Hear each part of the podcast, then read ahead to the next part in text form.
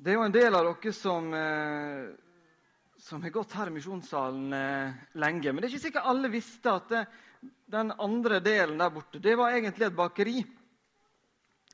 Eh, og til eh, vanlig er det nok ikke så ofte at det skjer annen på, på miks. Men i dag så har vi faktisk med oss ei lita gjærdeig her.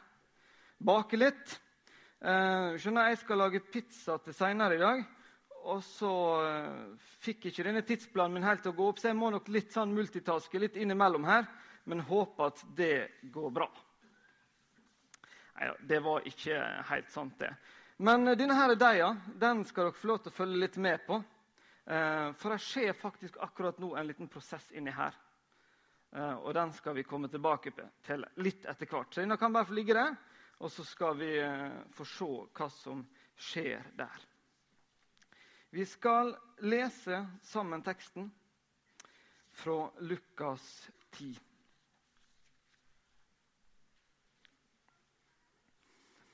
Da de dro videre, kom han til en landsby der en kvinne het Martha tok imot ham i huset sitt. Hun hadde en søster som het Maria, og Maria satte seg ned ved Herrens føtter og lyttet til hans ord.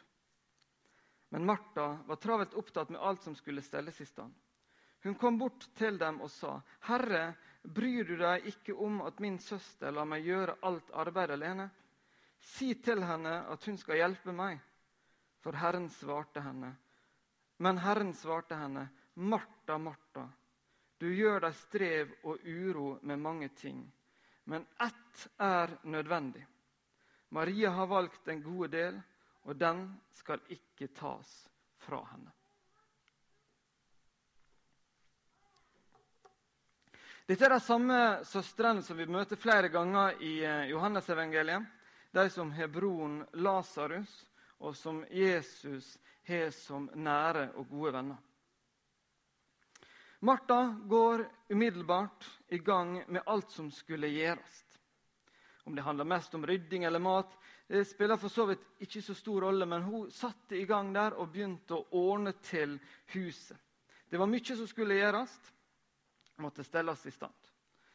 Men søstera Maria hun tenkte helt annerledes. Hun satte seg ned med Jesus sine føtter for å lytte til det Jesus hadde å si. Har du prøvd også å sette i gang eh, to søsken med noe husarbeid? F.eks. be to søsken eh, hjelpe å ta etter middagen og, og fikse. Da bruker det og skjære seg ganske fort. For det har en tendens til at disse søsknene ofte blir mer opptatt av hvem som gjør mest og minst, enn av hva som skal gjøres. Um, og I møte med denne teksten her, så syns jeg det er litt uh, artig å tenke på akkurat de opplevelsene. For det går ofte ikke så lang tid før den ene av søsknene kommer og sier 'Pappa, bryr du deg ikke om at søstera mi lar meg gjøre alt alene? Det er et spørsmål jeg tipper at flere av dere har hørt. Det kan ganske fort komme. Men så kommer Jesus til Martha, eller Jesus svarer Martha. Han bruker det to ganger. Martha, Martha. Dette blir brukt noen ganger i Lukasevangeliet. Fem ganger blir det sagt sånn navnet to ganger. De som har greie på det, mener at dette har med å understreke en mildhet. Eh, Jesus ikke, hadde ikke sånn ønske om å arrestere Martha. Det var ikke det at Martha gjorde noe som var unyttig, uviktig, at hun på en måte tulla vekk eh, tida. Hun var opptatt av gode ting. Martha. Hun trengte mat, det trengtes å, å se ut i huset. Men allikevel så var det noe som var viktigere. Maria hun hadde valgt å sette seg med Jesus sine føtter. Og På grunnteksten så står det faktisk 'også Maria'. Så det var nok ikke bare Maria som satt der. Alle disiplene satt der kanskje. Muligens enda flere.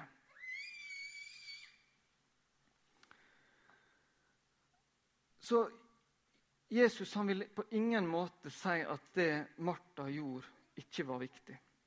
Men allikevel så har han et behov denne dagen til å si til Martha at det er én ting som er viktigere å gjøre enn å rydde hus og lage mat.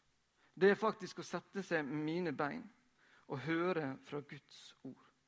Jeg valgte å kalle akkurat det for Mariaplassen.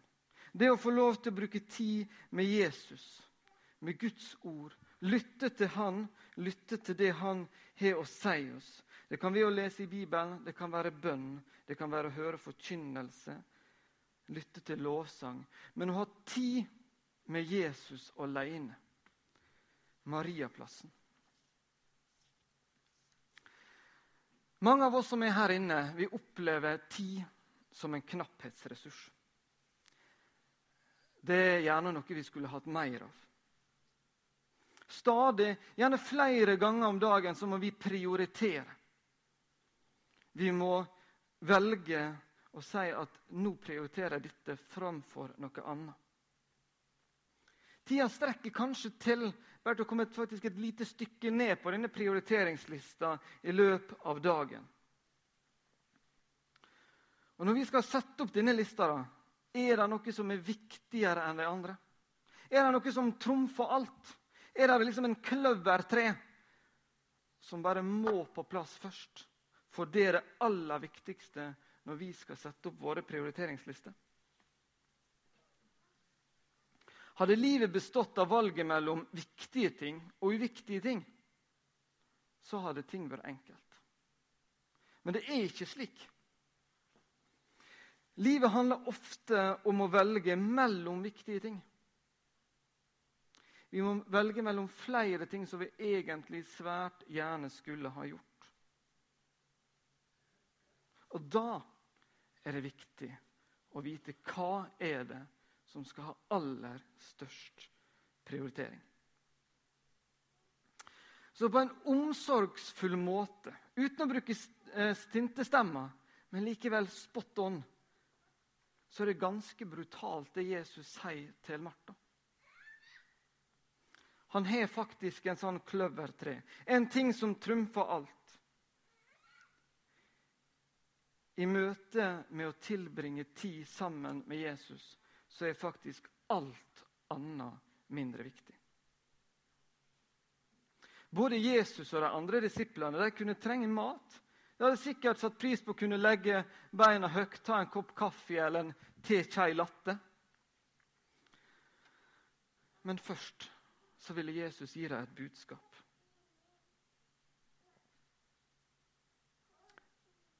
Det var helt nødvendig å begynne med det. Prøv å si det mens grøten svir seg. En unge står ute i gangen og skriker og trenger hjelp til å få av seg klær, mens den andre sitter på do og klager der. Så sier jeg at én ting som er nødvendig. Jeg syns egentlig det er ganske fascinerende at Jesus kan være så tydelig. Det er én ting som er viktig. Så når dagen skal planlegges og allting skal fastlegges på vår prioriteringsliste, så sier altså han som har skapt oss, han som har forma oss, han som kjenner oss bedre enn hva vi kjenner oss sjøl, han sier at det er én ting som er helt, helt nødvendig. Jeg kjenner nesten at jeg blir litt satt ut i møte med denne teksten. Tenker fort at det er jo andre ting som er viktige. da. Vi skal jo ha både drikke og mat. Og... Nei, men Jesus er det én ting som er altså så viktig. Et annet vers som eh, sier noe om det samme, og som jeg tenker en del på Kanskje jeg kjenner at det gnager litt i samvittigheten av og til. For jeg, jeg skal ikke skryte på meg at jeg er veldig sprek. Men jeg bruker å bruke litt tid på å springe, sykle, komme meg ut i friluft. Og jeg mener at dette her er helt nødvendig for min del. At dette her er kjempeviktig både for min fysiske og psykiske helse. Så om noen av dere syns det er en OK fyr, så er det nok fordi at jeg får jogga med en del så dere slipper å møte. Og For dere som ikke syns det er en OK fyr, så kan dere tenke dere hvordan det hadde vært uten disse turene. Det å få vekk litt stress, det er noe som jeg gjør når jeg kommer meg ut. Men så står det altså i eh, Timotius 4,8. For kroppslig øving er nyttig til noe, men gudsfrykt er nyttig til alt. Til den er det knyttet et løfte både for dette livet og for det som kommer. Jo, nyttig til noe. Men det er altså noe som er nyttig til alt. Jeg er ikke alene i denne her gjengen her til å like å komme meg ut på tur.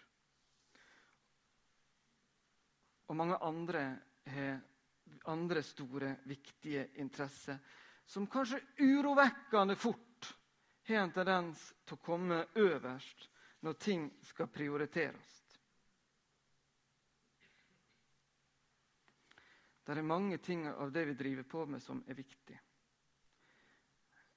Men det aller meste av det har altså et perspektiv for det som skjer på denne jorda. Men det er én ting som strekker seg utover det som skjer på denne jorda. Noe som, hvis det ikke kommer øverst på prioriteringslista, faktisk kan få bokstavelig talt uendelige konsekvenser. Evighetsperspektivet er en viktig ting i denne sammenhengen. Samtidig som absolutt konsekvensene har en kortere horisont. Vi skal også ta oss tid til å lese noe fra Johannes 14. Judas, ikke Judas Iskariot, sier til ham, 'Herre, hvorfor skal du åpenbare deg for oss og ikke for verden?' Jesus svarte, 'Den som elsker meg, vil holde fast på mitt ord,' 'og min far skal elske ham, og vi skal komme og bo hos ham.' 'Den som ikke elsker meg, holder ikke fast på mine ord.' 'Det ordet dere hører, er ikke fra meg, men fra Far, Han som har sendt meg.' 'Dette har jeg sagt dere mens jeg ennå er hos dere.' men talsmann, Den hellige ånd, som Far skal sende i mitt navn, skal lære dere alt og minne dere om alt det jeg har sagt dere.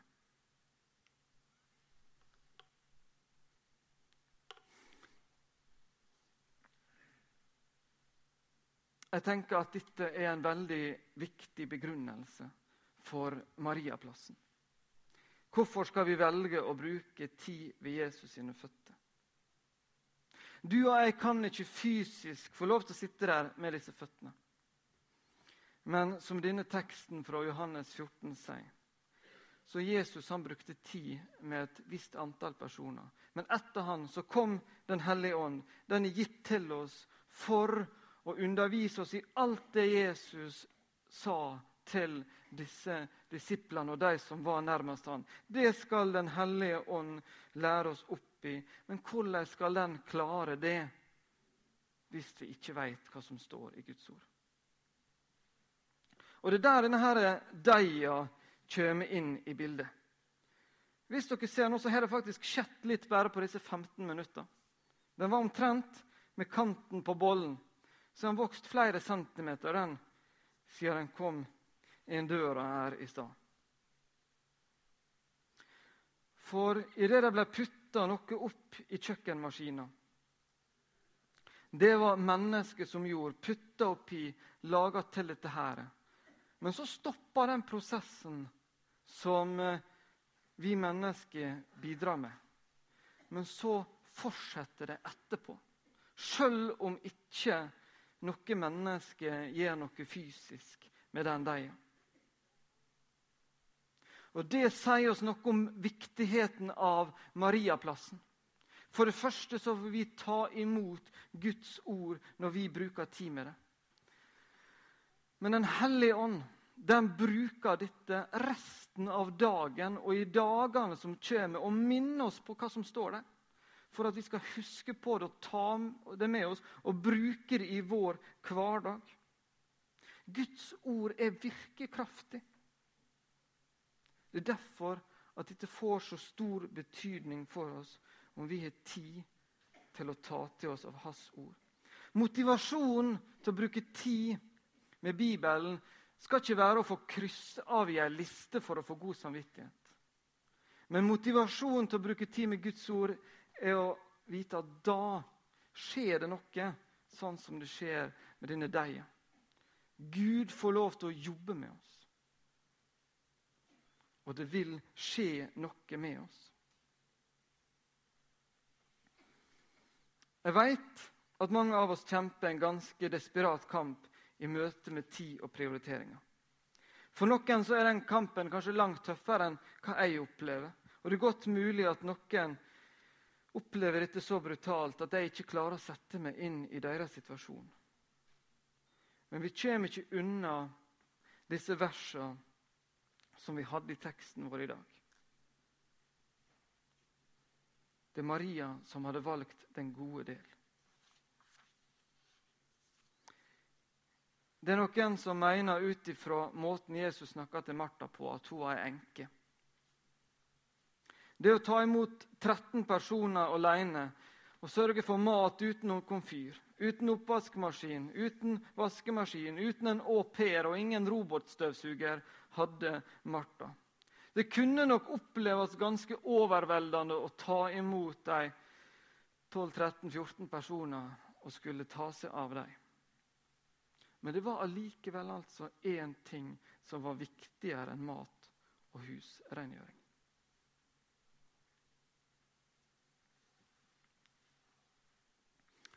Og I forbindelse med denne teksten så tenker jeg også på noe annet. Fordi at jeg kjenner på sjøl av og til en lyst til å stille et spørsmål. Og jeg veit at vi alle sammen kjenner på en lyst til å stille et spørsmål som er bestilt gjennom alle tider. På side tre for de fleste av oss i Bibelen så står det nemlig et spørsmål. Det var en slange som der stiller det, men han sier, 'Har Gud virkelig sagt?'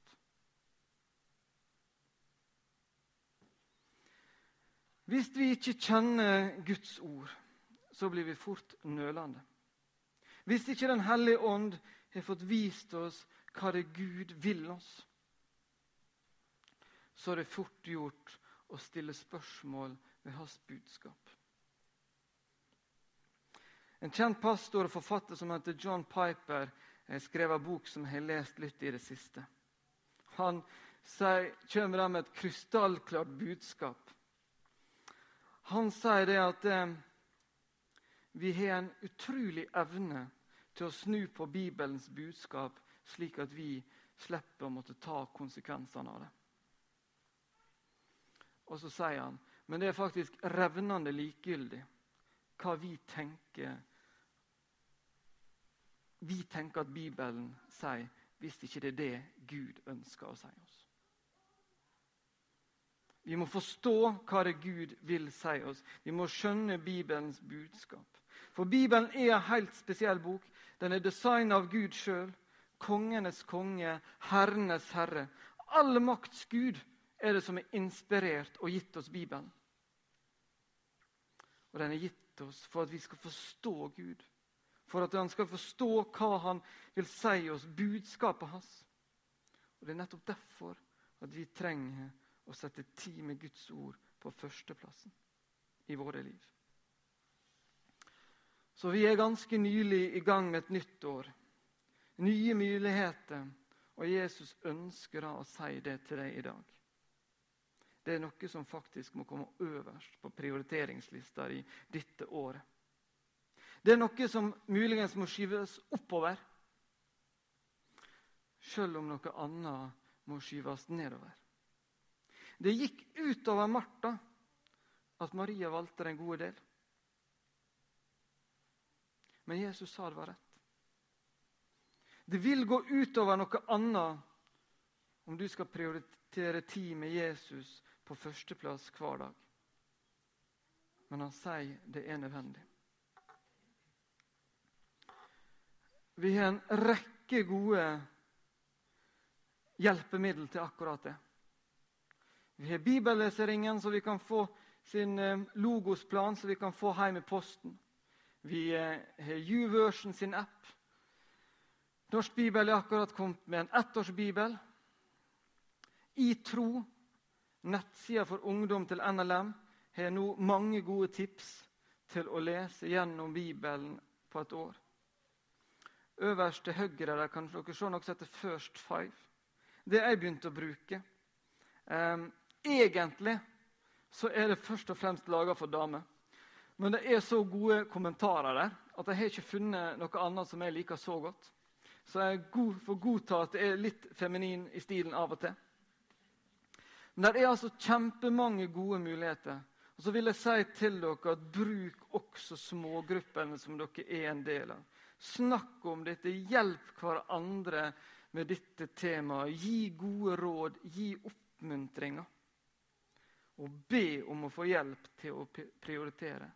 Be om å få hjelp til å få lyst.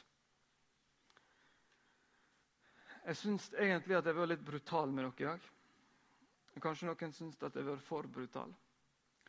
Men Bibelen er faktisk tøff på dette området med oss. Og da syns jeg det ble vanskelig å la være.